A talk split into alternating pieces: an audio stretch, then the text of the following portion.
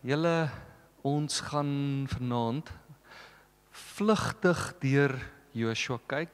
Kom ons sê ons deel die aand rolweg in twee.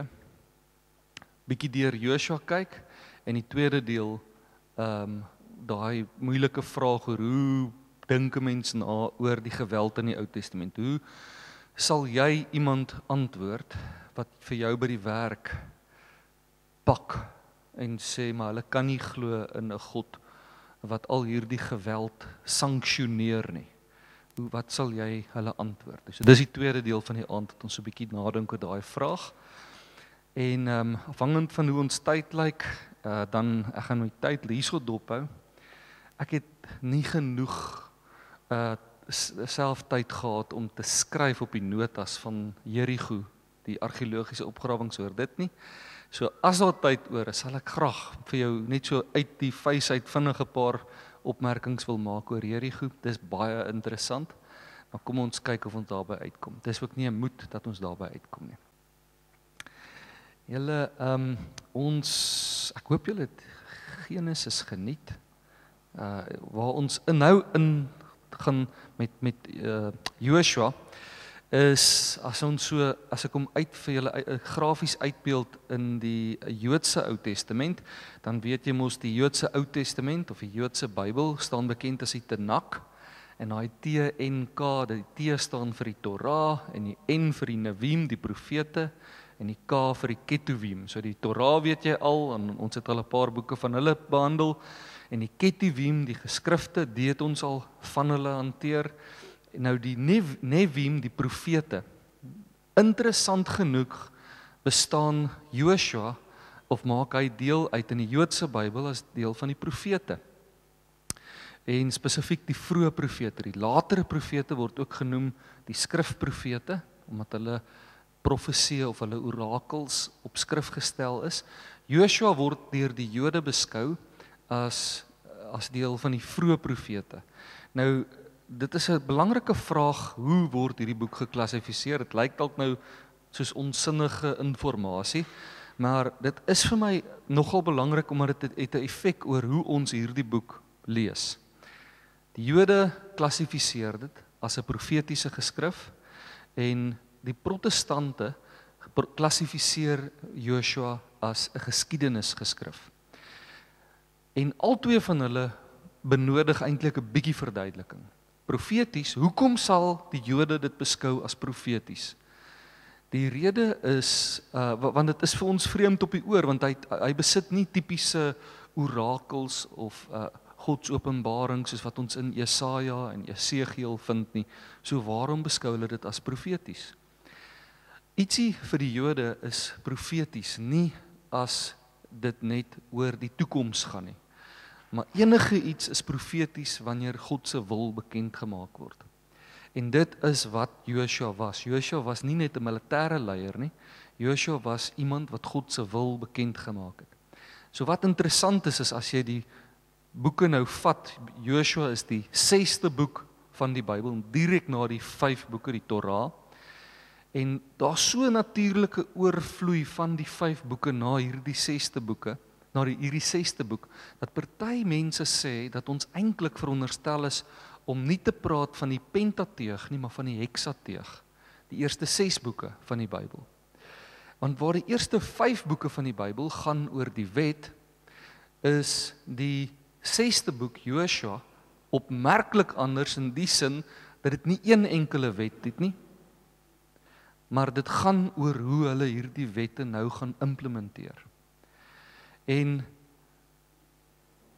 die twee stelle boeke, die Pentateug met hierdie Joshua boek wat hier in uh, opvolg, sluit ten nouste by mekaar aan.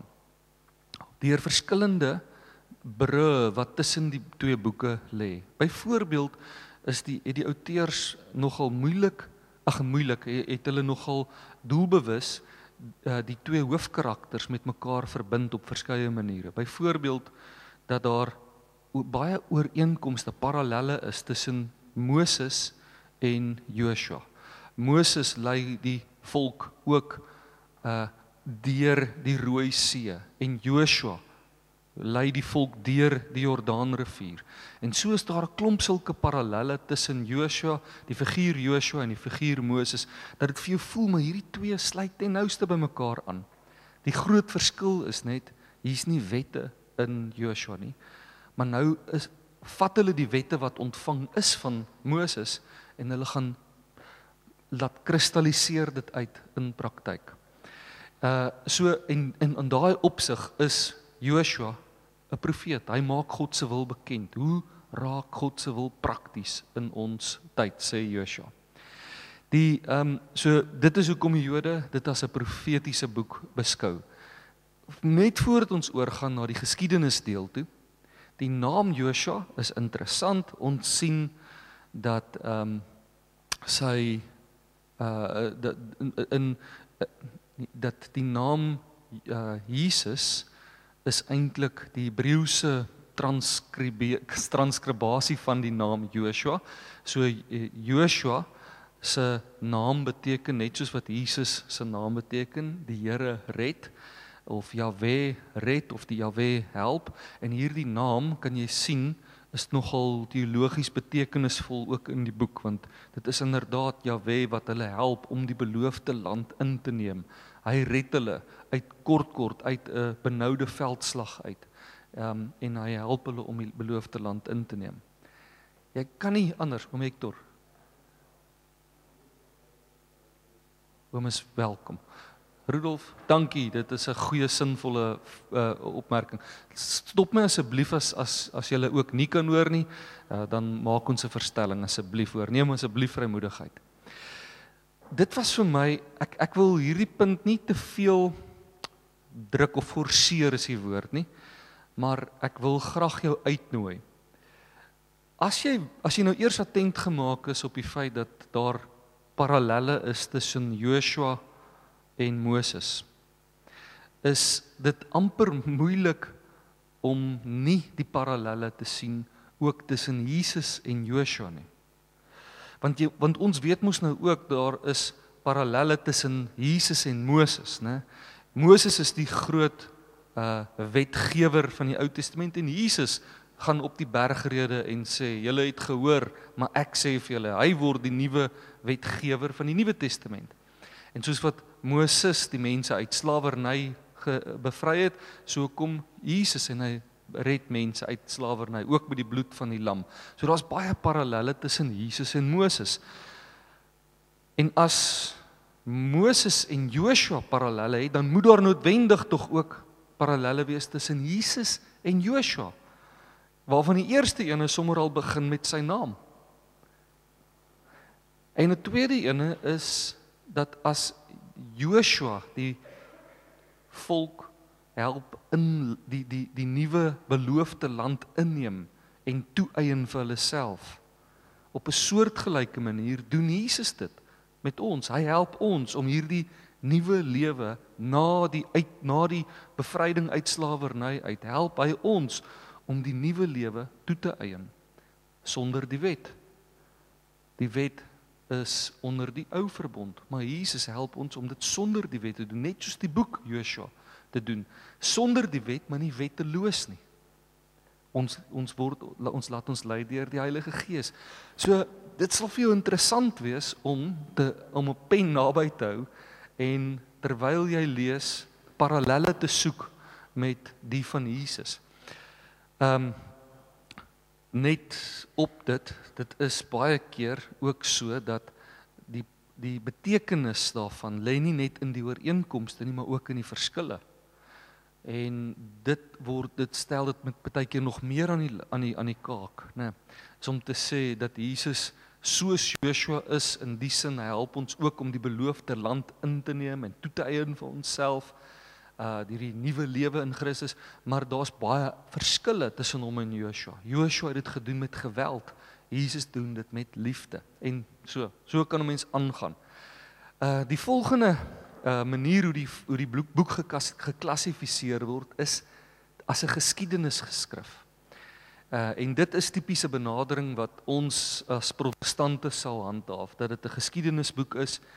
Um as jy 'n Bybel, 'n verklarende Bybel of so het uh met notas gaan die verklarende Bybel ook vir jou sê dit is 'n geskiedenis geskrif. Dit maak dit sit definitief vir ons makliker en lekkerder as 'n profetiese geskrif as gevolg van die verkeerde konnotasies by ons van wat 'n profesie is of 'n profeet is. Maar nou ongelukkig is dit ook so dat die benaming geskiedenisgeskrif nie sonder probleme is nie. Dit veroorsaak by ons juis 'n probleem wat ons nou-nou oor gaan praat is hoe hanteer jy hierdie geweld van die Ou Testament? Want ons beskou dit wat hier gebeur as geskiedenis en ons verstaan van geskiedenis is dat dit baie letterlik is, baie noukeurig is. En daarom is dit belangrik om ook net twee sinne te sê in hierdie op hierdie plek as ons praat oor die klassifikasie van Joshua se geskiedenis geskrif. Geskiedenisgeskrifte het in die ou antieke tyd op die ou nabye ooste baie baie anderste gewerk as wat geskiedenisgeskrifte in ons dag en tyd lyk. Like vir geskiedenis in ons dag en tyd hoop ons dat dit objektief sal wees, né? Ons weet selfs nou dat dit nie aldag is nie. Maar die barometer is dat 'n ding darm moet uh objektief wees. Die barometer is dat dit uh uh um wel versprei moet wees. Jy kan nie net selektief werk met feite nie. Maar in die geskied maar in die ou nabye ooste het hulle het um uh geskiedenis verslaa, heeltemal anders te gelyk. En hy word gekenmerk aan die hand van twee karaktertrekke en dit is dat die ou historiese het selektief omgegaan met feite en hulle het verbandhoudend geskryf. So wat dit beteken is dit was nie vir hulle moontlik om 'n geskiedenis van die hele streek van die ou nabye ooste te skryf nie. Dit was nie vir hulle moontlik nie en hulle het ook nie belang gestel om dit te doen nie. Hulle volg in die hele streek slegs een volk. Hy vertel nie vir ons van die Assiriërs en Kanaaniete en so nie. Hy hy volg net een volk. En in baie gevalle binne in hierdie volk volg volg hy van die 12 stamme net een stam. Want in hierdie uh Joshua uh uh geskrif as jy die plekname en die uh gaan gaan begin karteer waar dit op die kaarte voorkom, kom jy agter maar dit is alles uit die uit die stam van Benjamin uit. So die outeer was baie waarskynlik 'n Benjaminiet gewees. Dis waar sy belangstelling lê. So hy werk baie selektief met feite. Eers die enigste keer wanneer ons lees van ander volke is wanneer dit vir ons as agtergrond gegee word om te verstaan wat nou-nou gaan gebeur, soos die van Ragab wat vir hulle die tou uitgegooi het en so aan. So daar word nie 'n voller konteks gegee van wat was die ekonomiese uh, omstandighede van die ander volk of so nie. Dit word baie selektief mee mee gewerk en dan word feite ook verbandhoudend geskryf. Wat dit beteken is die outeer interpreteer gebeure. Ons vind in hierdie geskiedenis kommentaar. Dit was goed in die oë van die Here of die Here het hulle toe so gehelp. En dis nie tipiese goeters wat jy vind in geskiedenisgeskrifte nie. Maar hy selekteer hierdie inligting en dan groepeer hy dit sodat dit verbande vorm. Dit vorm nader aan temas. En as jy die boek klaar gelees het, dan kom daar so 'n paar groot temas uit. Onwillekeurig spring dit net vir jou so uit. Terwyl as ons enige ander geskiedenisboek lees, dan is dit nie noodwendig wat met jou gebeur nie. Dan's dit dan ken jy nader aan die feite van 'n groot land soos Suid-Afrika, maar dis nie noodwendig temas wat na vore kom nie. Temas wat in die boek Joshua na vore kom, is een van byvoorbeeld dat die Here sy beloftes nakom. Sat dat die belofte wat hy en dis toevallig ook een van die maniere hoe hy aansluit by die Pentateeg, die Pentateeg hou op met of stop met die belofte wat gemaak word net voor die inname van die beloofde land en dan gaan hierdie boek neem hy dit verder, hierdie belofte verder en hy wys hoe dit gerealiseer word. En kort kort deur die boek word hierdie tema van belofte dat die Here sy belofte in vervulling laat kom, uh word dit weer herhaal. En die rede is baie waarskynlik omdat die eerste gehoor supermoedeloos was van in vanuit hulle omstandighede. as die datering reg is soos wat hulle vermoed, dan sit die eerste gehoor van hierdie boek sit hulle in ballingskap en hulle die land verloor. En is hierdie outeur besig om eintlik te reflekteer hoekom het hulle die land verloor? Want hulle was ongehoorsaam. Maar dit skep ook vir hulle hoop want hy sê vir hulle die Here is 'n God wat sy beloftes hou. As hulle terugkeer na hom toe, sal hulle weer terugkeer ook na die beloofde land en sal hulle weer die land kan inneem.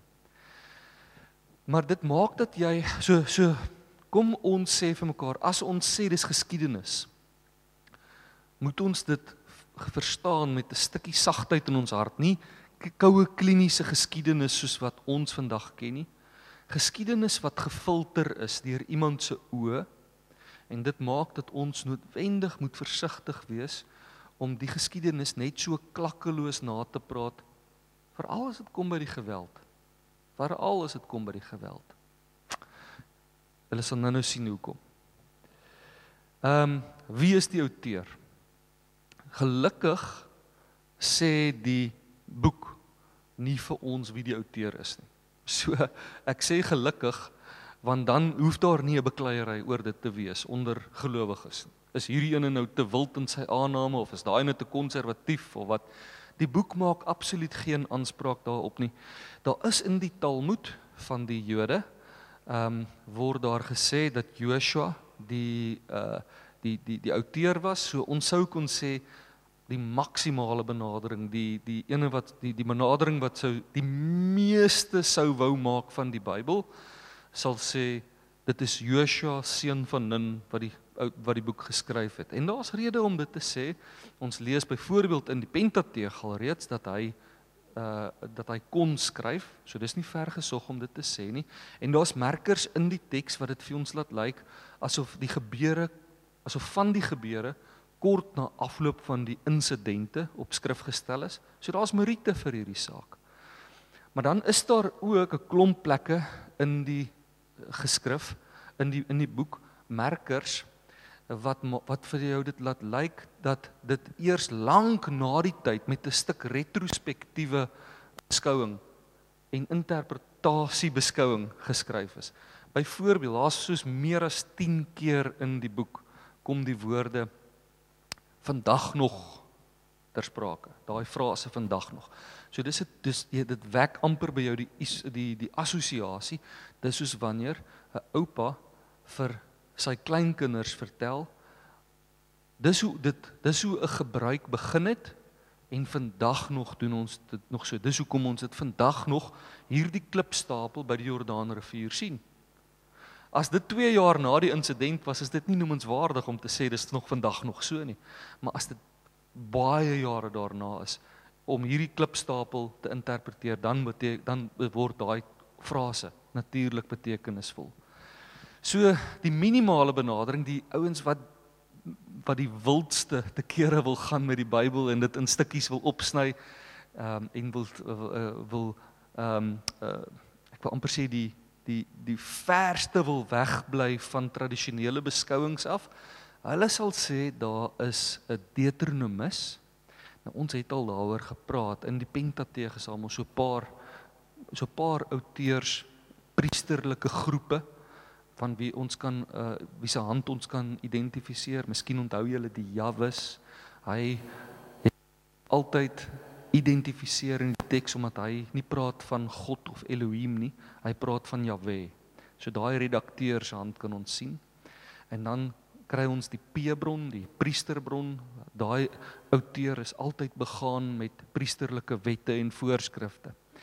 En nou die Deuteronomus is die ander hand, die ander priesterlike redakteur wat ook gehelp skryf het aan die Pentateeg en tot en met verder ook aan in die uh, in die geskiedenisboeke die twee soos tot en met twee konings en so aan het die Deuteronomus gehelp skryf.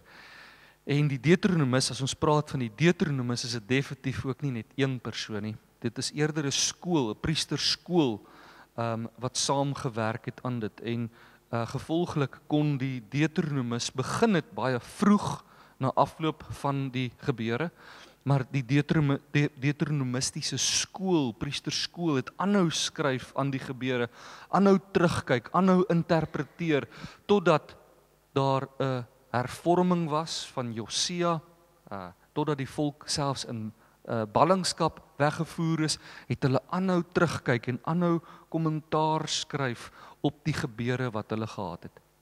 So die gebalanseerde weg wat ek dink uh, die meer die die die regte weg is, sal ons sê dat jy drie fases kan identifiseer in die totstandkoming van die boek Josua.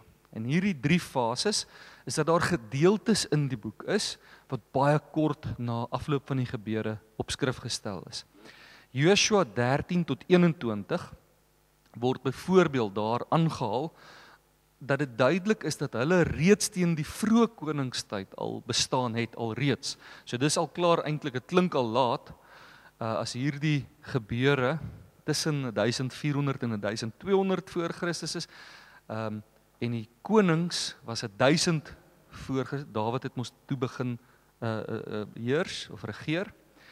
Maar die so hoe hulle dit sien is die tipe plekname wat gebruik word en die stede wat genoem word. Dit is stede wat bestaan het in die vroeë koningstyd.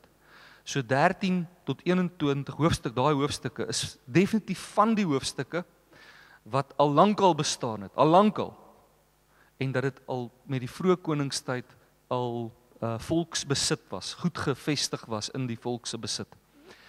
En toe in 622 voor Christus, toe vind Josia se hervorming plaas. Onthou julle Josia, koning Josia het die wetboeke weer ontdek. Daar het 'n massiewe terugkeer na die Here toe gekom. Uh daar's soos 'n herlewing wat uitgebreek het onder die volk. En Josia se hervorming het mense geïnspireer om weer die woord van God ernstig te neem. En die woord van God was nie vir hulle staties soos vir ons natuurlik nie, nê. So moenie skrik as jy hoor dat die priesters toe weer die pen opgetel het nie. Dit was vir ons is die Bybel staties, maar in daardie tyd was die was God se woord mos nou besig om nog vorm aan te neem. En soos vir daar 'n nuwe profeet op die toneel kom sê hulle dis ook God se woord. Hooplik en maak hulle hom nie dood nie, né? Maar die priesters het nog steeds in daai tyd as gevolg van Josia se radikale terugkeer na God se woord toe, het hulle weer is hulle geïnspireer om weer die pen op te neem, kommentaar te lewer op die bestaande dokumente en te interpreteer, terug te kyk. Hoekom het God vir ons hierdie land gegee?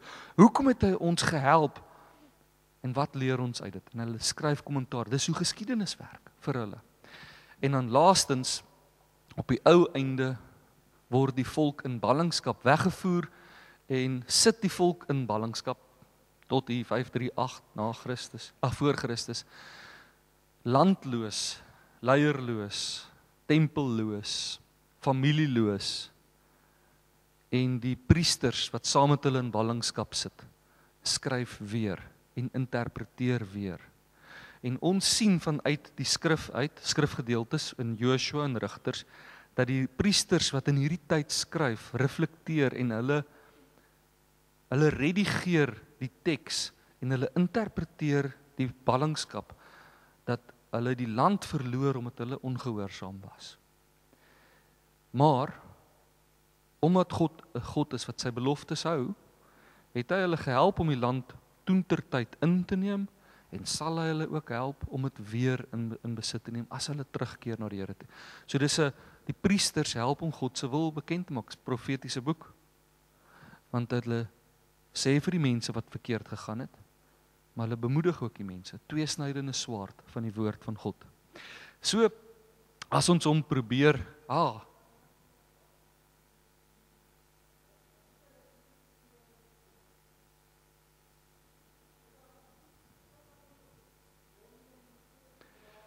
dit is dit sal in die teks neerslag vind. Ehm um, en ek sal graag met julle nou-nou as ons die geskiedenis uh, Salome vra as hulle dit interpreteer of hulle kommentaar lewer, is dit mondelings gedoen. Ehm um, definitief. Die eerste as ek jou vraag reg verstaan, die eerste verhale skryf hulle almal was definitief mondelinge verhale wat sterk geleef het in die geheue van die volk, nog almal was nog ooggetuies van dit. En daai goed is om te voorkom dat dit ver, uh, verlore raak, begin neergeskryf, begin neergeskryf. In die tyd van die ooggetuies wat nog geleef het, daar's 'n baie goeie boek, The Text of the Old Testament, wat 'n baie sterk saak maak vir dit dat ons nooit die krag van die mondelinge tradisie moet misken nie. Ons dink ons ken almal daai grappie in die op laerskool hoe 'n storie stertjies bykry as jy in die ou se oor fluister. Dis glad nie wat gebeur het in die Ou Testament nie. In die Ou Testament as jy as dit jou te beurt val om die verhaal van die familie te vertel van hoe God julle gered het dan is dit die grootste eer vir jou om dit so noukeurig as moontlik te vertel want al die oudstes van die volk sit en luister na jou ook in die sinagoge. Jy durf nie stertjies bysit nie. En so word die mondelinge oorlewering bewaar en gesorg dat dit nie verregaande raak nie. En naderhand word dit ge, uh, op skrif neergestel. En maar wat dan wel gebeur wat interessant is en ons gaan nou-nou sien van van sulke voorbeelde. 'n outeur sal iets interpreteer en dit God se wil noem. En dan gaan 'n outeur wat na hom op die, op die toneel kom en hy vat daai selfde gebeure en hy korrigeer dit en noem dit nie God se wil nie, maar sê dat dit teen God se wil was. So jy kan agterkom dat daar dan 'n 'n 'n verandering kom en dat hulle mekaar korrigeer. So dis interessant en belangrik in die gesprek oor geweld. So 'n as ons die tydlyn vinnig na kyk, jy ken al hierdie gedeelte, maar ehm um, So jou baken is mos altyd 1000 voor Christus. Is is koning Dawid wat hy regeer. Ek dink wat ons nou moet na kyk is net na die aardsvaders. Vergewis jou net 'n bietjie daar van die datum van die uittog uit Egipte. Dis tussen 1400 en 1200 voor Christus. Klink na ver verskil 200 jaar. Daar's goeie rede hoekom maar daai onsekerheid het, maar noodwendig het dit 'n invloed op waar ons die intog van die beloofde land plaas. En as ons nou nou uitkom by Jerigo, het dit 'n geweldige effek op of die Jerigo wat die oorskot ons vandag besit of dit die Jerigo is van Joshua en of dit 'n latere stad is. Ehm um, na die intog was dit die rigtertyd en dan uh koning Dawid en dan skeer die ryk En dan daar in 622 sien jy Josia se hervorming en dan na dit Juda die suidryk val en word weggevoer deur Babelonie. Ons kan met betrekkelike groot sekerheid sê dat die boek Joshua het in die suidryk ontstaan want hy fokus net op die suidryk se stede. Daar's so 'n noordelike veldtog waarvan hy praat, maar al die stede wat hy noem fokus op die suidryk en spesifiek die stam van Benjamin. So as ons hierdie boek wil probeer dateer, dan gaan ons sê die intog in Kanaan speel af rondom 1400 tot 1200 voor Christus. Hoekom 200 jaar?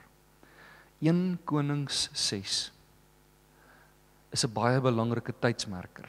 1 Konings 6 sê vir ons dat in die 4de koningsjaar van die 4de regeringsjaar van koning Salomo het hy die tempel gebou. Nou ons weet wanneer koning koning Salomo geregeer het. En ons en dan staan daar in 1 Koning 6 ook dat 400 en soveel jaar terug was die uittog.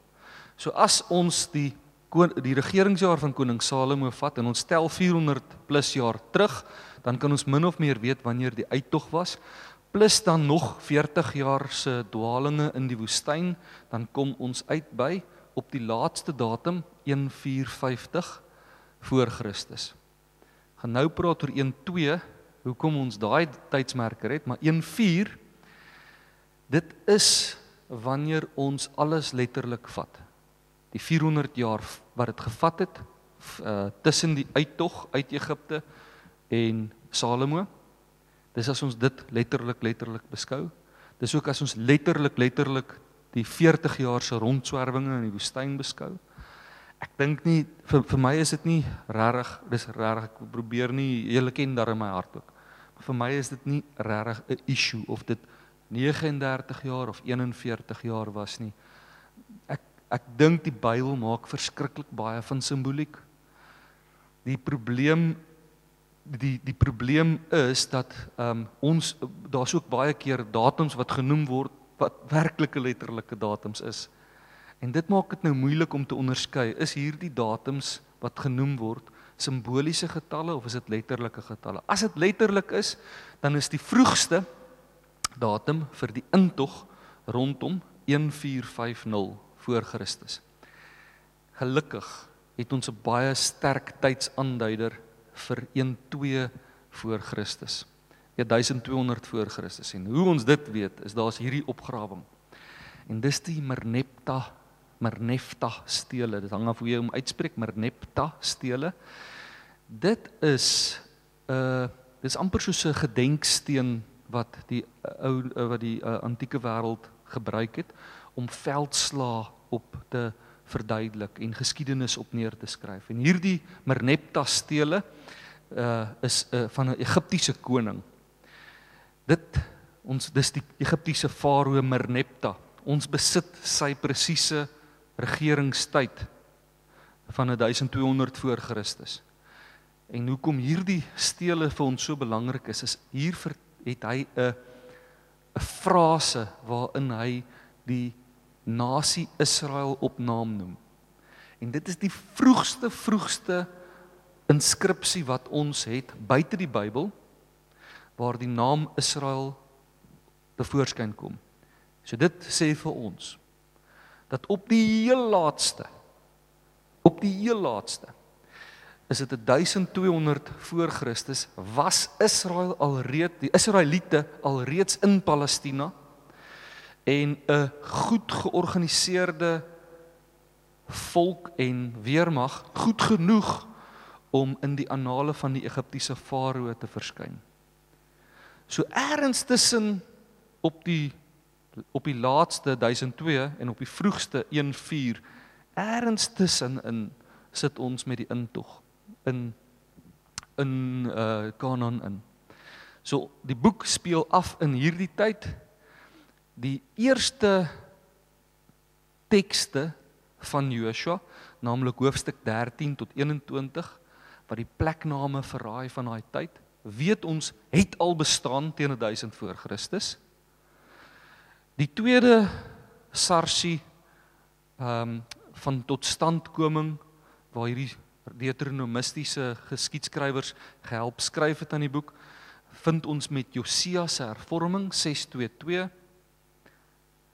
hulle dit inspireer hulle om die Bybel weer te uh, interpreteer, geskiedenis te interpreteer. En dan met binne in die ballingskap 597 tot 538 word die boek Joshua gefinaliseer. Die deuteronomistiese gepriesterskrywers sit saam met die volk in ballingskap, moedeloos, moedeloos. En hulle kyk terug en vind hoop in die teks. So wie is die gehoor en hoe reageer hulle op die boek? So ons weet dat die boek soos wat ons hom vandag ken. So nou hoor jy mos nou die boek het definitief vroeër al bestaan. Hoofstuk 13 tot 21 het die mense in Dawid se tyd al geken. Maar die boek wat ons vandag het met sy in sy volledigheid het die ballinge die eerste keer onder oog gehad. En stel jy nou net gou eers weer vir 'n oomblik in. Jou hele identiteit, jou hele identiteit word opgeneem of word bepaal deur die feit dat jy 'n Israeliet is wat in Israel woon. Wat in die tempel aanbid. In hierdie familie of stam is met hierdie mense vir wie jy lief is en wat vir jou lief is. Jou God is Jahwe. Hy beskerm jou. Dis jou hele identiteit is opgeneem binne in hierdie uh kernsake. Nou word jy weggevoer. Jy bevind jou nie meer in Israel nie of in Palestina nie. Jy bevind jou nou in Babel. jy is tempelloos. Jy's nie net landloos nie, jy's tempelloos. Jy kan nie meer die Here aanbid nie. Jy's leierloos. Daar's niemand die onder die, leiers is doodgemaak. Jou naaste familie sit ook versprei. Hulle het gesinne opgeskeur. Jy het almal vir wie jy lief is is is is weg of dood. Daar is vir jou jy leef letterlik van die hand tot die mond. Jy leef as 'n slaaf. Dit is haglike omstandighede en dit maak baie groot vrae wakker in mense se harte. Soos die eksistensiële vrae. Wie is ek nou? Is ek nog 'n Israeliet? Ek's nie eers meer in Israel nie. So wat is dit wat van my maak wie ek is? En in hierdie tyd kom hierdie boek in sy finale vorm onder die volk. En hulle lees van 'n tyd toe hulle ook nie in hulle land was nie. In die Pentateeg toe God 'n belofte gemaak het. Ek sal julle die beloofde land laat inneem. En toe het hy dit gedoen. En daar het 'n reeks kragdadige wonders plaasgevind en hulle het dit gesien uitspeel voor hulle oë. Maar o wee. Hulle het afvallig geword van die Here. Hulle voorvaders het die Here gelos, verval in afgodsdiens en hulle is op die ou einde in ballingskap weggevoer. Maar omdat ons steeds hierdie God aanbid wat 'n waarmaker van sy woord is, weet ons ook dat as ons terugkeer na hom toe, dit sê die profete vir ons, as ons terugkeer na hom toe, sal hy ons weer terugbring na die beloofde land toe. So, dis 'n stuk berispe wat in hierdie boek is en 'n stuk hoop wat die volk vind wanneer hulle Joshua lees. Die uh vraag is nou wat lees ons raak wat moeilik is om te verstaan en hier raak dit aan die geweld. Die ene is die bloedvergieting en die ander ene is ook hoe die intog gewerk het. Die rede is as ons nou nou gaan op die bloedvergieting en net gou vir eers praat oor die intog. Daar dis asof die Bybel baie keer uit twee verskillende monde, asof die boek Josua uit twee verskillende monde praat oor hoe die intog uitgespeel het. Want baie keer is die prentjie wat in jou gedagtes uitspeel as jy dit lees, dat dit soos 'n blitzkrieg was, 'n veldtog van verowering was, dat dit hulle die een volk na die ander ingepalm het uh, een stad na die ander ingepalm het. Maar dan as jy hierdie ander skrifgedeeltes lees, dan kom jy agter dat dit 'n lang proses was.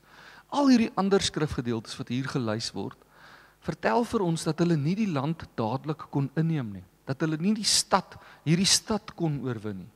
Dat die mense vir hulle te sterk was. En dan kom jy agter maar dit wil tog lyk asof ten spyte daarvan dat die teks die indruk skep dat dit vinnig gegaan het dat dit inderwaarheid eintlik jare geneem het. Nee, dit is nie 'n diskrepansie in die boek nie.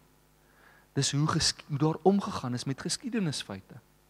Die geskiedenis-auteurs het verbandhoudend geskryf, selektief geskryf en dit skep 'n sekere indruk ter wille van 'n tema wat hulle wou na vore bring. 'n tema van vervulling van beloftes. Maar dis nie 'n akkurate beskrywing van tydsverloop noodwendig nie.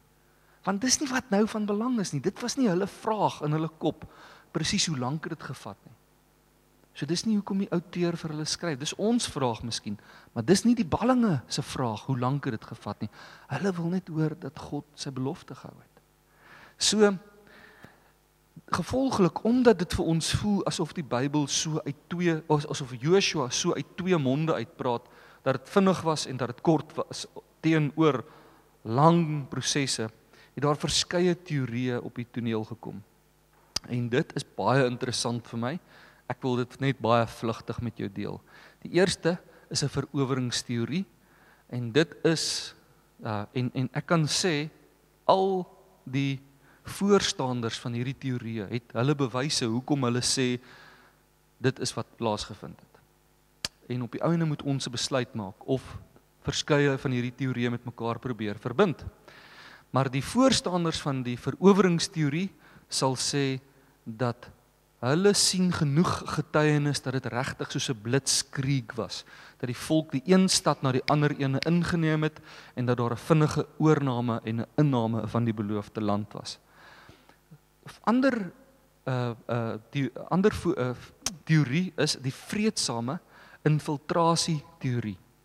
Hier volgens sê die propageerders hiervan dat die volk ingekom het eh, vanuit die ooste uit, vanuit Egipte uit uh en verlang langs aan Kanaaniete gebly het. Soms het dit gelei tot botsings en skermutselings tussen 'n Israelitiese nedersetting en 'n Kanaanitiese nedersetting.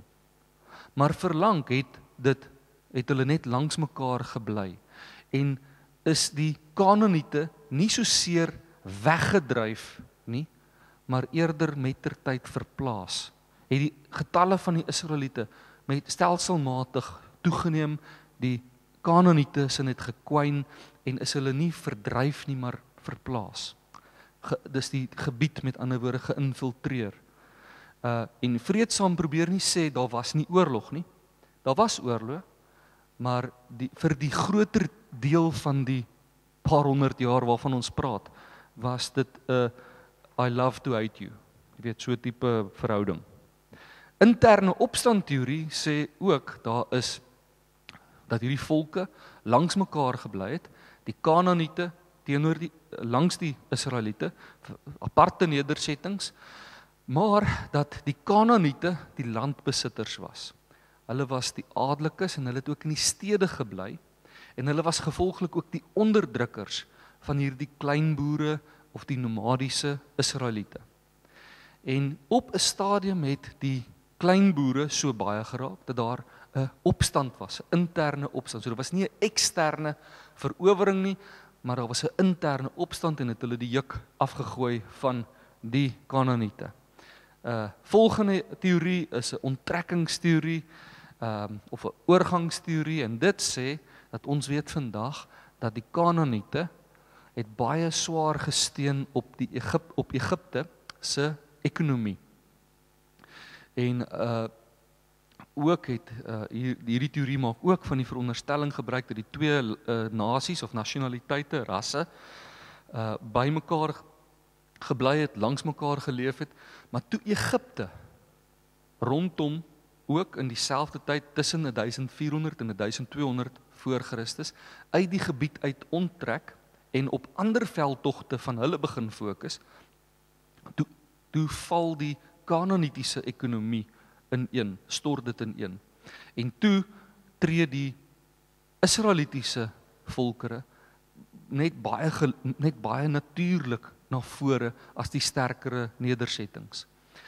Dit was ook die tyd in die tyd wat ons wat ons uit die argeologie baie interessante opgrawings sien van hoe daar vordering gemaak is op tegnologiese gebied en ons lees baie waarskynlik daarvan ook in die boek Joshua van hoe hulle die bergland skoonmaak. En juis die argeologiese opgrawings sê vir ons dat hulle in daai tyd begin het om terrasse aan te lê teen die teen die hange van die berg. En dis waarskynlik waarna hierdie goeters ook ver, nou, verwys in die Bybel en gevolglik het hierdie Israeliete omdat hulle hierdie tegnologiese vooruitgang ook gehad het as die sterkere volk na vore begin tree. Dan is daar 'n volgende teorie, 'n droogte teorie. Ons weet ook van uit die natuur uit dat daar ook in hierdie getyd in hierdie tyd, ek dink is 1250 tot 12 voor Christus was daar 'n erge 50 jarige droogte. Die gebied het ontvolk die die stam wat uiteindelik oorleef het was die Israeliete. Die Kanaanitiese uh volkere het tot 'n groot mate ehm um, ge, gevlug en dis ook hoekom daar daar so baie skermutselings was want dit was ook oor die beperktheid van kos en droogte. Ehm um, waarskynlik as mens wil sê watter ene van hierdie goed kies jy? Ek is baie gemaklik om te sê dat ek dink dit is 'n kombinasie van hulle alles, van hulle almal.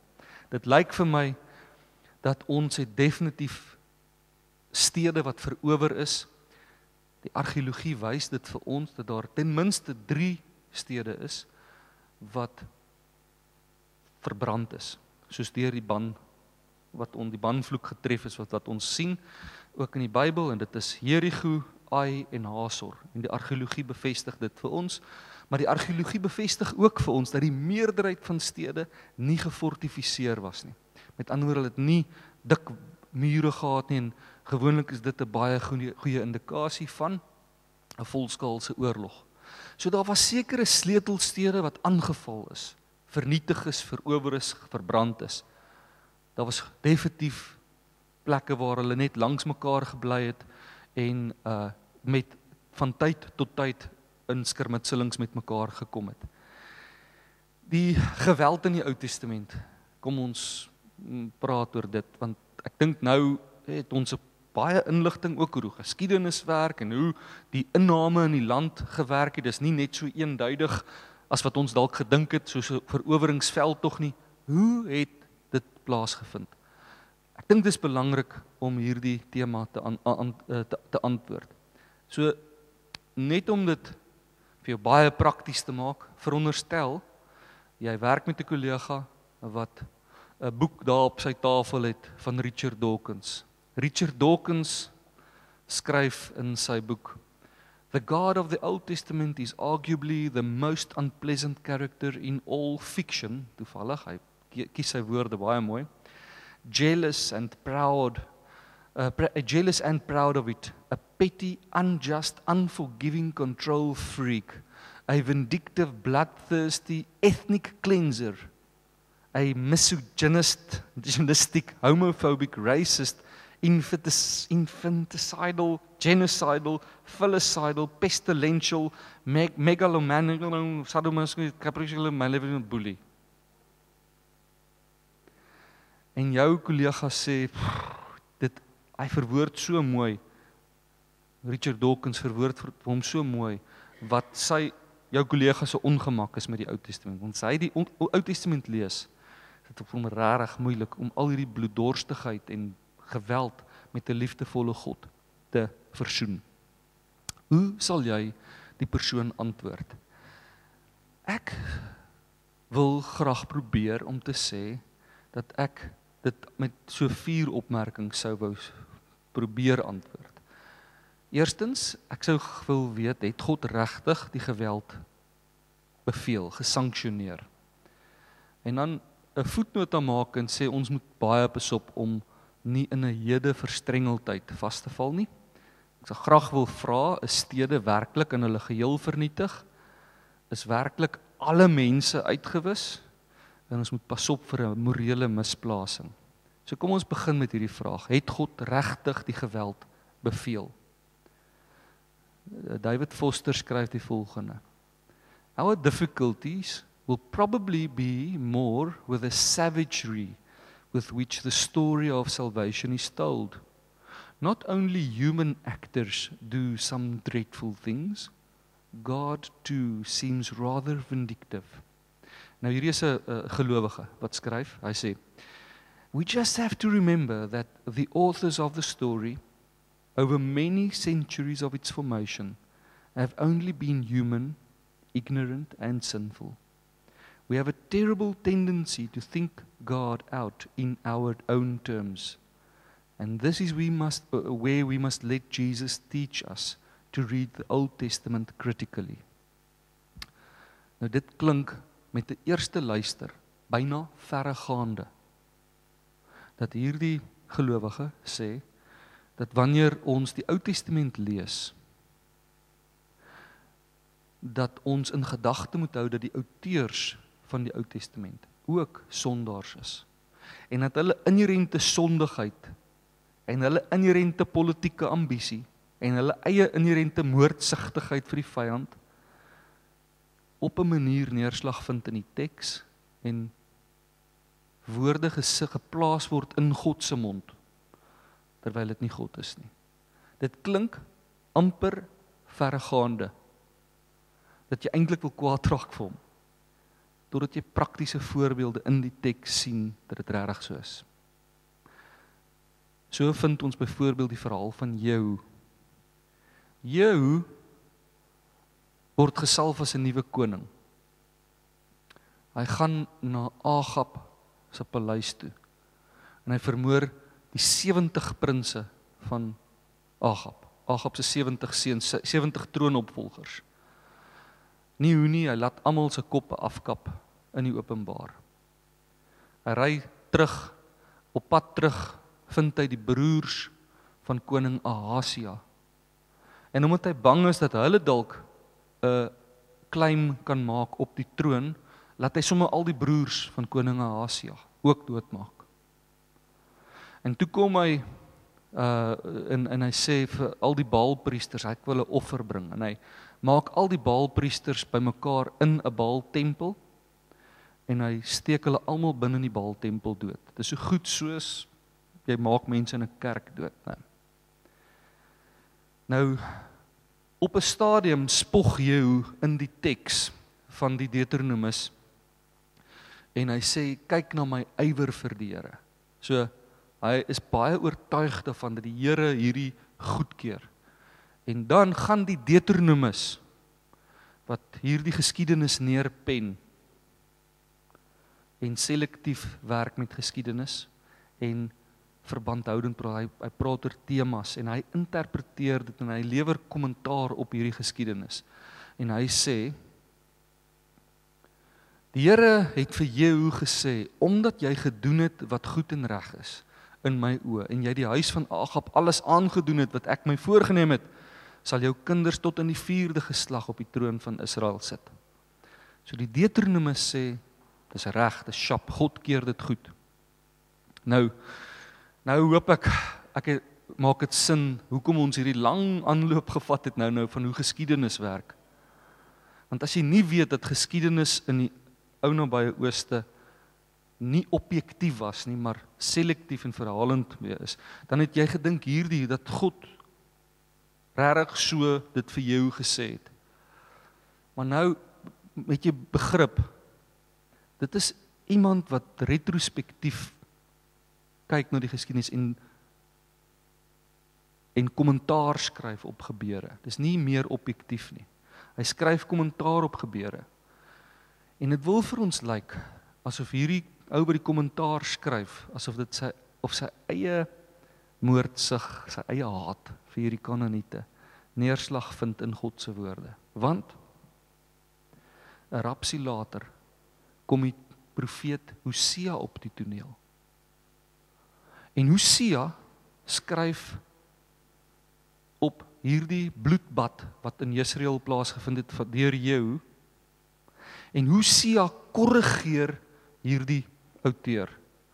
Hosea spring weg en hy sê: "Die Here sê toe vir Hosea: Noem die seun Jesreel, want ek gaan binnekort die koningshuis van Jehu laat boet vir die bloedbad in die stad Jesreel. Ek gaan die koningskap in Israel tot nik maak. Die dag sal ek die leer van Israel vernietig in die Jesreel vlakte." Daar's word 'n oordeel oor Jehu uitgespreek oor die bloedvergieting wat hy veroorsaak het wat nie God se goedkeuring weggedraai het nie. So wat jy hier sien is 'n baie baie baie belangrike beginsel en dit is dat die Bybel nie soos 'n pizza werk nie. Ons dink die Bybel word aan ons aangebied soos 'n plat skyf. Die hele Bybel. En jy kan uit die 66 boeke uit kies en keer soos 'n pizza, jy jy kan kies wat se wat se skyf wil jy vat. Maar dis nie hoe die Bybel werk nie. Daar is wat hulle noem 'n tekstuele gelaagdheid. Daar's 'n 'n heilshistoriese ontwikkeling. Dis ongelukkig groot woorde, né? Maar daar's 'n ontwikkeling, 'n heilshistoriese ontwikkeling en die hoogtepunt van hierdie heilshistoriese ontwikkeling, die hoogtepunt, die kulminasie van God se selfopenbaring is wat? Jesus Christus. En alles wat ons in die Bybel lees, moet ons uiteindelik deur die bril van Jesus lees. Alles. Ons moet noodwendig as gevolg van 'n tekstuele gelaagdheid moet ons die Deuteronomus deur die bril van Hosea lees. Maar ook Hosea moet ons deur die bril van Jesus lees. Daar is 'n tekstuele gelaagdheid. Dit maak nie dat Dit maak allermins dat 2 Konings 10 vers 30 nie geïnspireer is nie. Dis baie beslis geïnspireer. Want dit waarsku my hoe maklik dit vir ons is om ons eie politieke ambisies in God in te lees. So dit bly vir my net so geïnspireerd.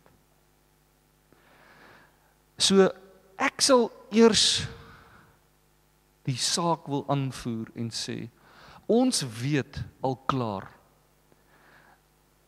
dat nie alle geweld wat waarvan ons lees in die Ou Testament is deur God gesanksioneer en goedgekeur nie.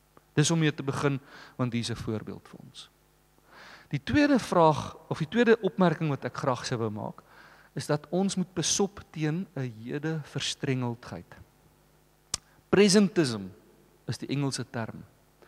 Presentism word deur die Merriam-Webster Woordeboek beskryf as an attitude toward the past dominated by present day attitudes and experiences.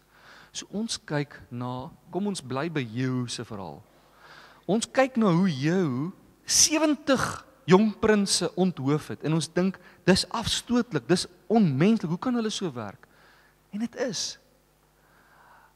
Maar presentism maak dat ons ons dink hy moes eerder ons metodes gebruik het om vrede te bereik. Hy moes eerder demokrasie ingebring het of of kompromieë met die volk aangesmee het of en dit dit sou nie hond haar afgemaak het in daai konteks nie.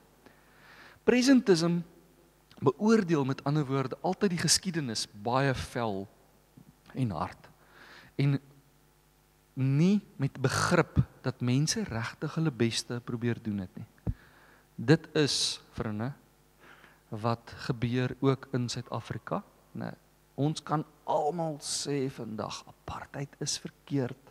Apartheid is verskriklik verkeerd. Maar ons weet dat dit was 'n uh, dit was keuses wat ons voorouers gemaak het met die lig tot hulle beskikking in daai tyd. En dis nie om dit goed te praat nie. Maar dit is nie omdat hulle per se boos was nie. Dit was met die lig tot hulle beskikking van daai tyd het hulle hierdie keuses gemaak en wat verrykende implikasies het. Maar kom ons beoordeel die geskiedenis met 'n stuk begrip Ons mag nog steeds sê iets is verkeerd, iets is lelik, maar ons moet 'n stukkie begrip hê vir die konteks waarbinne dit afgespeel het. Om mense te onthoof na 'n koningshuis wat oorneem, 'n ja, ander koningshuis oorneem, dit was die standaard praktyk gewees. Dis hoe dit tot betreklik onlangs nog altyd gewerk het. Want die persoon probeer voorkom dat daar nog werkers selfs is wat lojaal is aan die vorige koning wat een of ander uh paleisrevolusie tot uh wil, wil loods. Pas op dat ons nie ons westerse ehm um, uh gesindhede afforceer op die teks nie. Dis nie verantwoordbaar om dit so te doen nie. Is stede werklik in hulle geheel vernietig? Ons lees in Deuteronomium, is 'n gunsteling teks van Bybelkritici Deuteronomium 20 ook geskryf deur die pen van die Deuteronomus dat vernietig die stede van hierdie en hierdie en hierdie noem hulle al die stede wat hulle vermoed vernietig. En dan lyk dit asof daar asof dit 'n mandaat is vir 'n volksslagting. Die probleem van dit is dat die Hebreëse term wat gebruik word daar vir stad word ook gebruik om na 'n hele rits ander nedersettings te verwys, soos dorpies, tentkampe 'n vesting waar 'n koning hom verskans, 'n stad se fort. Dit alles word genoem 'n stad. So 'n stad roep by ons 'n konnotasie op van 'n groot klomp mense. Maar wanneer daar 'n stad gebruik word in hierdie kontekste, dan het het dit dra dit die betekenis van 'n militêre konteks. Met ander woorde, die beste ekwivalent wat jy aan kan dink is soos die van die kasteel van Jan van Riebeeck. Dit was 'n tipiese stad. Nie al die mense het in die stad gebly nie. Die stad is omring deur 'n muur en die paleis van 'n koning was binne in die muur Die die graanskure, die belastingstore was daar binne. Die 'n paar huise van die elite was binne in die stadsmure en verder was dit die barakke vir die soldate. Dit was wat 'n stad was. En die mense het buite gebly. En wanneer daar uh wanneer hulle sien hier kom 'n weermag aan, hulle kan onmoontlik almal in die stad gaan, so hulle vlug na die berg, berge toe. Ons weet selfs die Israeliete het dit gedoen toe die Romeine hulle aangeval het. Het hulle gaan vlug in die berg en berge toe gegaan totdat die weermag verbygetrek en dan kom hulle weer uit die uit die uit die berge uit. So hierdie stad word vir ehm um, verteenwoordigend van alles waarvoor die kanonitiese ideologie staan en die godsdiens voor voor staan. Maar dit is nie per se vrouens en kinders en on uh, gewapende mense wat koelbloedig voor die voet afgemaai word nie. Stede wat waarvan nog gepraat word is 'n militêre term. Die volgende vraag is is werklik alle mense uitgemoor. En ook in dit in die notas het ek daar 'n frase wat gebruik word man en vrou. Ek gaan nie daarop nou uitbrei nie. Dit is te te lank verduideliking, maar daai man en vrou sien ons word gebruik selfs nie net in die konteks van oorlog nie, maar ook dat Dawid vir van man tot vrou die ringbrode gegee het of dat van man tot vrou hulle kom staan maak het voor Nehemia met die met die lees van die wet Nehemia 8. So dis 'n uitdrukking om te sê almal, die hele groep, die hele groep, die hele boksem daai's. En dis 'n dis 'n soort hiperbool. En ons kry binne in hierdie teks baie baie hiperbool. Hiperbool is is 'n oordrywing. Kyk byvoorbeeld na die volgende uh uh aanhaling. Dis in Joshua 10 vers 38. Daarna het Joshua met die hele Israel by hom na Deber toe gedraai en die stad aangeval. Onthou nou hierdie woord Deber, dis die stad se naam. Hy het dit ingeneem, die koning en die inwoners van die buitedorpe doodgemaak en al die mense in die stad uitgeroei. Niemand het ontkom nie. Soos hy met Hebron en met Libna en sy koning gedoen het, het hy ook met Deber en sy koning gedoen. Joshua het die hele gebied platgeloop, die bergland, die suidland, die laafveld, die hange, al die konings daar, uit niemand laat vrykom nie. Hy het alles wat asem het uitgeroei soos die Here, die God van Israel beveel het. So om mee te begin soos die Here, die God van Israel beveel het, wil ons kwalifiseer en ons ons bær hom net in ons agterkop en ons sê miskien, miskien nie. Miskien, miskien nie. Maar as ons letterlik hierdie teks lees en verstaan dat hy voor die voet alles wat selfs asem gehaal het uitgeroei het, dan maak dit nie sin wat ons 5 hoofstukke later lees nie. Aan Caleb seun van Jefune het Joshua soos die Here hom beveel het 'n eie gebied toegeken tussen die mense van Juda naamlik Kiriat Arba dis Hebron Arba was die voorvader uit die Enakite Caleb het die Enakite Sesai Agiman Talma het Hebron verdryf en al die Enakskinders daarvandaan het Caleb Caleb na die mense van Deber gaan aanval. Minder as 5 hoofstukke later lees ons weer van Deber en sy mense. Nou, hoe is dit moontlik as hulle nou-nou uitgemoor is? Almal wat asem gehaal het, almal. Het hulle net so vinnig weer voortgeplant? Dis mos onmoontlik. Dit is 'n oordrywing. Daar was definitief 'n groot slagting. En ons probeer nie dit minimaliseer en afmaak nie. Maar dis beslis nie 'n volksmoord nie. Om te maak asof die Bybel 'n volksmoord propageer, is onwaar. Die taal wat gebruik word is hiperbolies. En ons weet dit want hierdie boek pas die genre van 'n militêre verslag. Onthou jy, dis geskiedenis, né? Selektief verbandhoudend terugskouend geskryf en militêre verslae van die ou nabye ooste is so geskryf. Ons raai dit nie, ons sien dit uit dit wat ons vandag besit van militêre verslae. Ons het byvoorbeeld is Tut Tuf Moses 3 'n farao se militêre verslag lui Die groot weermag van Mitanni was binne 'n uur oorwin, heeltemal verdelg Nou bestaan hulle nie meer nie. En ons weet vandag dat hierdie Mitanni volksgroep nog tot in die 1400s in voortgeleef het. Na lank na hierdie verslag van van Tuthmosis 3. Maar jy sien die taal, dis een van oordrywing. Sommige binne 'n uur het ons hulle afgejag. Ons lees ook van Meso, die die Moabit wat teen Israel oorlog gemaak het. Mesa. Hy skryf ook op dis soos 'n tipe Merneptah stele, né? Wat ons nou-nou van gesien het. Skryf hy spog hy die volgende: Israel het geheel en al vergaan vir altyd. Het Israel vergaan vir altyd? Ons weet dit's nie waar nie.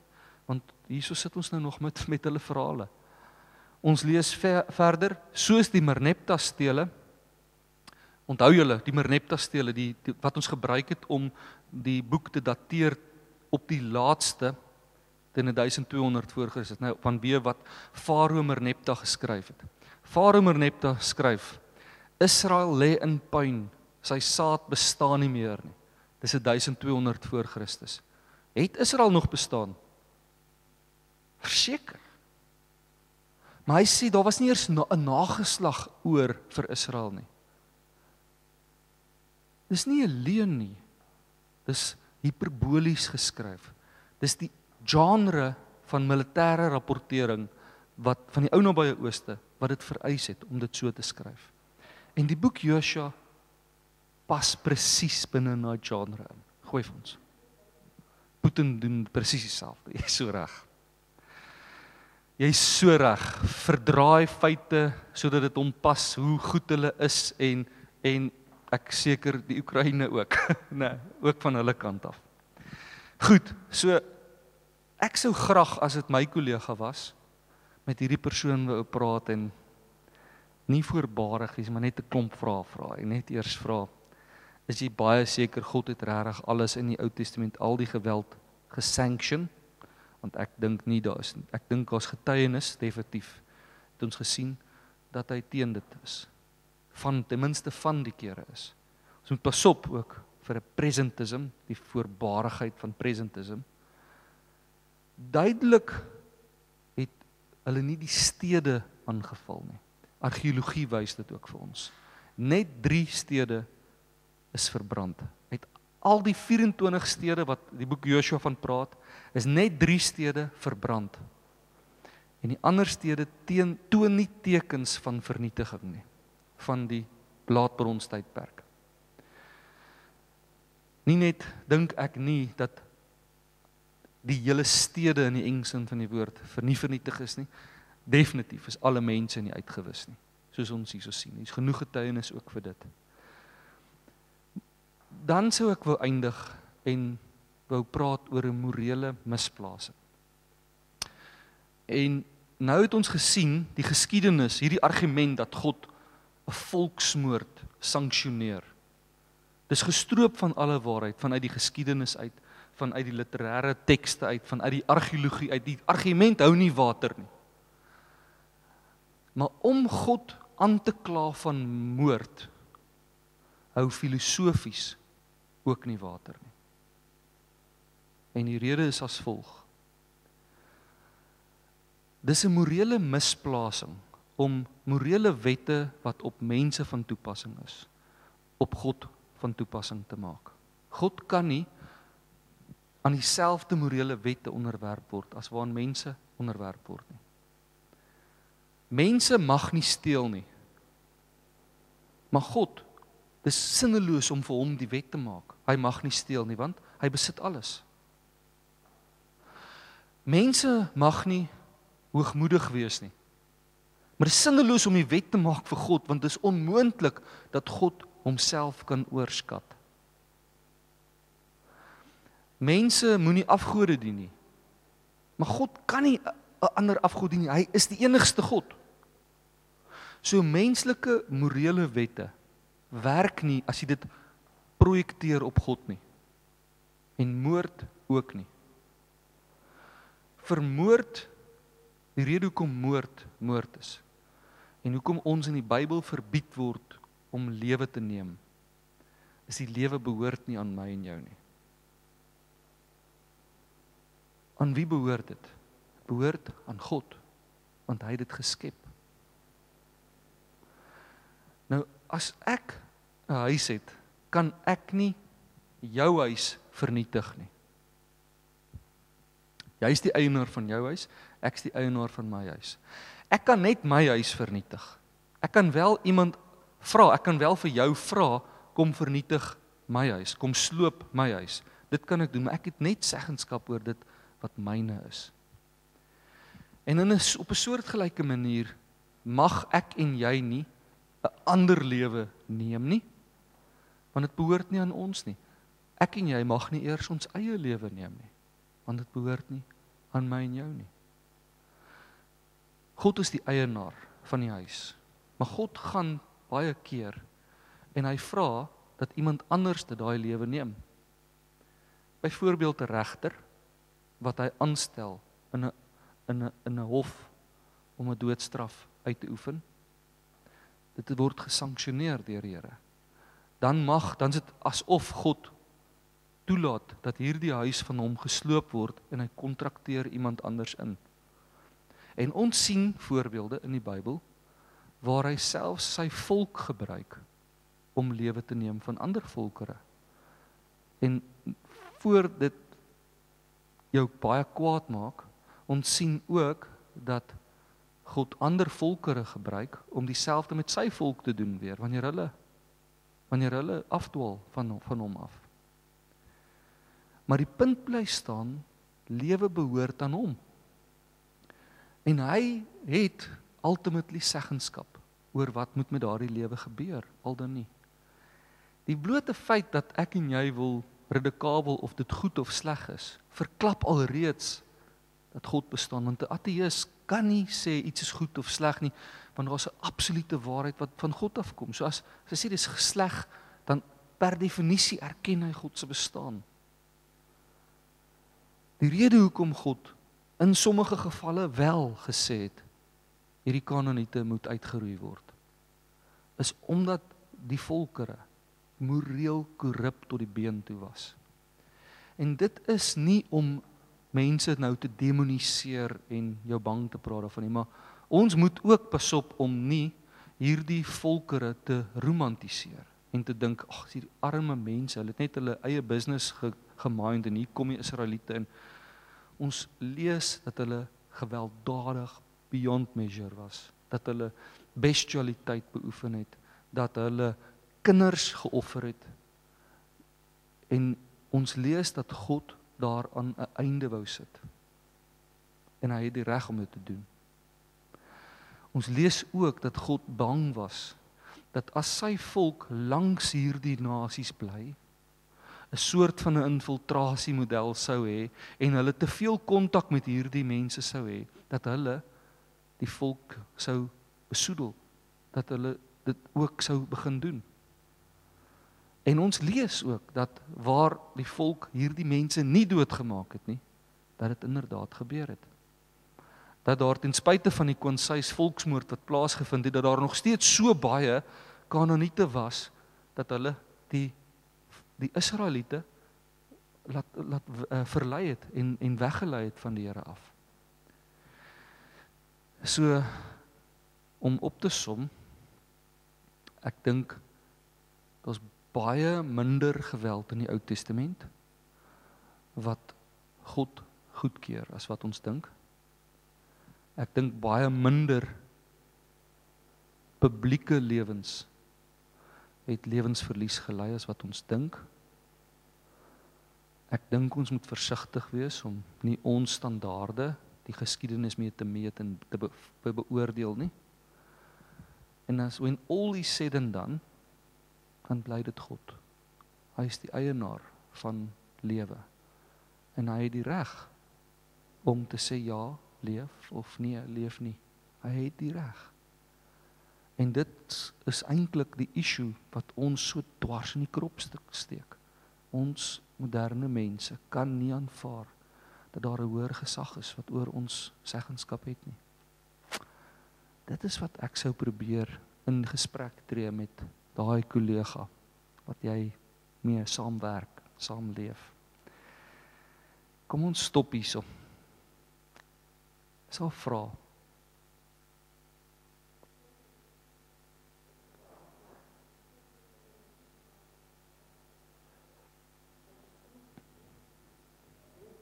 Hmm.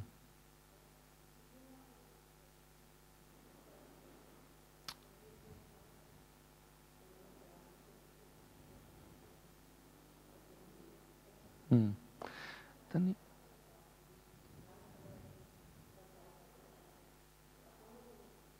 Ek ek's baie bly hulle doen nie want in hierdie debatte staan natuurlik ook mense wat sal wil te kenne gee dat hierdie nie God se woord is nie en wat sal wil sê dat dit hoogstens God se woord bevat. En nou raak dit baie maklik om te sê as ons die Bybel oorskryf om self te kies wat wat haal ons uit en wat sit ons in. So ek's baie bly hulle doen dit nie. Ek's baie bly dat ons sê saam met die geskiedenis van die Christendom en die Jode dat die die Bybel deur 'n vormingsfase gegaan het, nie staties was nie vir lank, maar toe omdat die beide die Jode en die Christene begin bekommerd raak het dat hy stertjies gaan begin kry, toe formaliseer hulle die die tekste van die Bybel. En ek's baie baie dankbaar daarvoor. En ek dink dit is hoekom daar 'n uh, dit nodig is vir 'n Bybelskool om bietjie rondom die Bybel ook te kan lees sodat jy stadig oor die klippe gaan.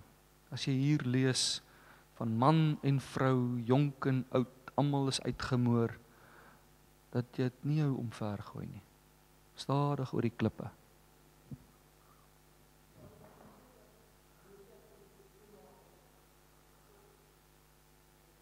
Ja. Ja.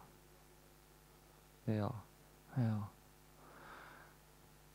Teen 'n oormag in hou God sy beloftes.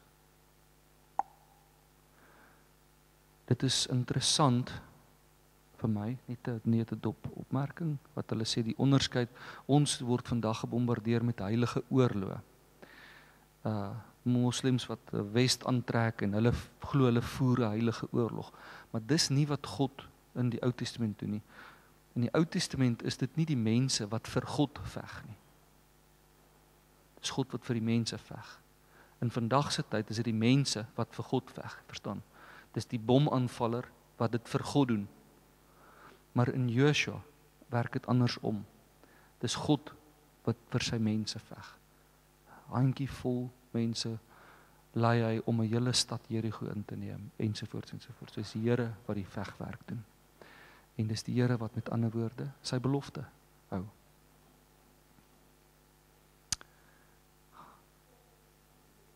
Jammer. Efraimiet.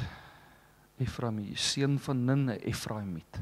So baie fyn raak gedink daar dit sou sin gemaak het as hy ook 'n Benjaminiet uh, is omdat die volk omdat die plekname dit ver, uh, verklap maar nee hy's 'n Efraimiet. OK, baie vinnig. Baie vinnig, baie vinnig. Ehm um, Jerigo sê hulle. Jerigo is daar's 'n probleem met Jerigo en dis die datering.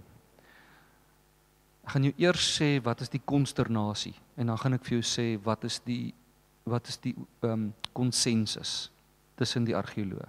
Die konsternasie is hoe dateer ons dit? Daar was die eerste keer dit opgegrou in 1906 deur Duitse span.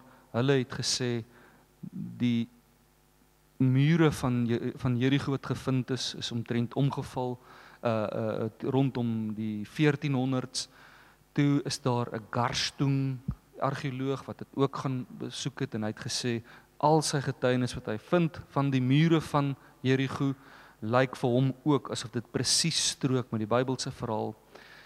Dit het 'n geweldige uh, outcry veroorsaak in die media en toe het daar 'n vrou gegaan, Kenyon, Kenyon is haar van en sy het so hier in die 1950 so sy weer toegelaat het. Sy het toestemming gekry om Jerigo nog 'n keer te te gaan opgrawe en daar was sedertdien weer opgrawings. Ken jy net toe bevind dat Garstung hulle se datering van die muur foutief is. Dat die muur later is as wat aanvanklik gedink is. So en is hier waar die konsternasie nou inkom. Die as ons die die uh uittog op 'n sekere datum plot, dan werk die intog by Jerigo. Maar as ons weer die uittog op 'n ander datum plot, dan werk die datering van Jerigo se mure weer nie uit nie. So dit alles hang af van waar plot jy die uittog en waar plot jy die intog. Die feit van die saak is ons speel hier met 'n periode van omtrent 200 jaar wat 'n aansienlike verskil is. Dis 'n oorgang tussen 'n bronstydperk en 'n ystertydperk, so dis 'n belangrike 200 jaar. Ehm um, maar die die terrein van Jerigo is onderworpe aan erge erge erosie. En dit is wat dit so moeilik maak om dit daar uh te dateer. So wat ons weet is dat nadat Jerigo vernietig is, het die terrein as sulks vir meer as 200 jaar totaal en al leeg gelê. Niemand op hom gebly nie voordat hy weer bewoon is. En ons lees toevallig van daai heroprigting van Jerigo ook in die Bybel. Ons lees van dit. Maar uh dit lyk eintlik vir 'n buitestander asof daar asof daar 'n roemer ten minste in die omgewing was dat daar soos 'n vloekrus op hierdie terrein en daarom het hulle dit gelos vir 200 jaar. Die vraag is, weet daai Jerigo vernietig? Was dit die Israeliete of was dit die Filistyne of was dit die Egiptenare wie wie was dit want dit wil nie vir ons lekker inpas met die met die uittog en die intog datums nie. Dis die so die groot konsternasie is die datering van die val. Wat waarop daar wel konsensus is is die volgende. Jericho lê binne in 'n seismiese strook wat bekend is vir aardbewings. Dis dieselfde strook waarin die Jordaanrivier lê. En ons besit verskriklik baie goeie inligting, resente inligting van aardbewings wat geval wat veroorsaak het dat die Jordaanrivier dat daar modderstortings in die Jordaanrivier plaasgevind het wat gemaak het dat die Jordaanrivier tot nog onlangs toe nog sommer vir 16 ure op 'n slag sal ophou vloei. So dit beteken skielik maak dit sin dat toe die volk die Jordaanrivier moes oorsteek dat daar 'n seismiese aktiwiteit plaasgevind het en dat hulle met ander woorde kon deurgaan deur die Jordaanrivier. Die wonderwerk lê nie in die opdroog van die Jordaanrivier nie, maar in die timing dat dit presies gebeur het toe die priesters hulle voete in die water gesit het. Nou lê binne in hierdie einste seismiese strook lê die stad Jerigo. Kenyon, die ene wat juis bevind het dat die aanvanklike mure wat gedateer is later is daar so so daai einste argeoloog het wel bevind dat al die ander goed wat Garstung en die ander argeoloog bevind het die waarheid is. Naamlik die volgende: Jerigo is omtrent 'n 'n half hektaar groot, baie klein maar baie ryk. As jy kyk na die grafte in die omgewing, was al baie geld. Dis omdat dit die poort van na Egipte, uh, van Egipte na na Kanaan toe was. So dit was 'n baie simboliese belangrike stad gewees. Hulle het twee stelle mure gevind, 'n binnemuur en 'n buitemuur. En dis juis in die twee stelle mure wat daar ook twee datums lê waar twee datums van vernietiging lê. Die oudste huise wat hulle gevind het in in Jerigo is 7000 jaar oud. Soos 'n antieke stad en vandag nog as jy by eh, Jerigo loop, dan sal hulle op die plaveisel is daar uh, mosaïekteels wat sê welcome to the oldest city in the world. 7000 jaar van die vroegste gehuggies wat hulle al gevind het daar. Die volgende ding wat hulle vind is dat die die, die daar's 3 stede van al die 24 wat genoem word, is daar 3 stede wat gevind is wat verbrand is. Ai, Jerigo en Hazor. Hulle het gevind dat die dat Jerigo ook verbrand is. Net soos wat die Bybelse teks sê, maar wat dit nog meer interessant maak is dat hulle gevind het dat die brand uh dat die dat die meteras wat op die stad lê bokant die vervalle muur lê. Met ander woorde die muur het eers geval en toe brand die balke en die strooihitte bo op die muur. Die die muur het met ander woorde nie geval as gevolg van die dakke wat brand en toe ingetuimel het nie. Met ander woorde dit strook dat daar eers 'n aardbewing was en toe 'n geveg en toe steek hulle die stad aan die brand as as teken van 'n bandvloek. So die volgorde van die vernietiging maak baie sin.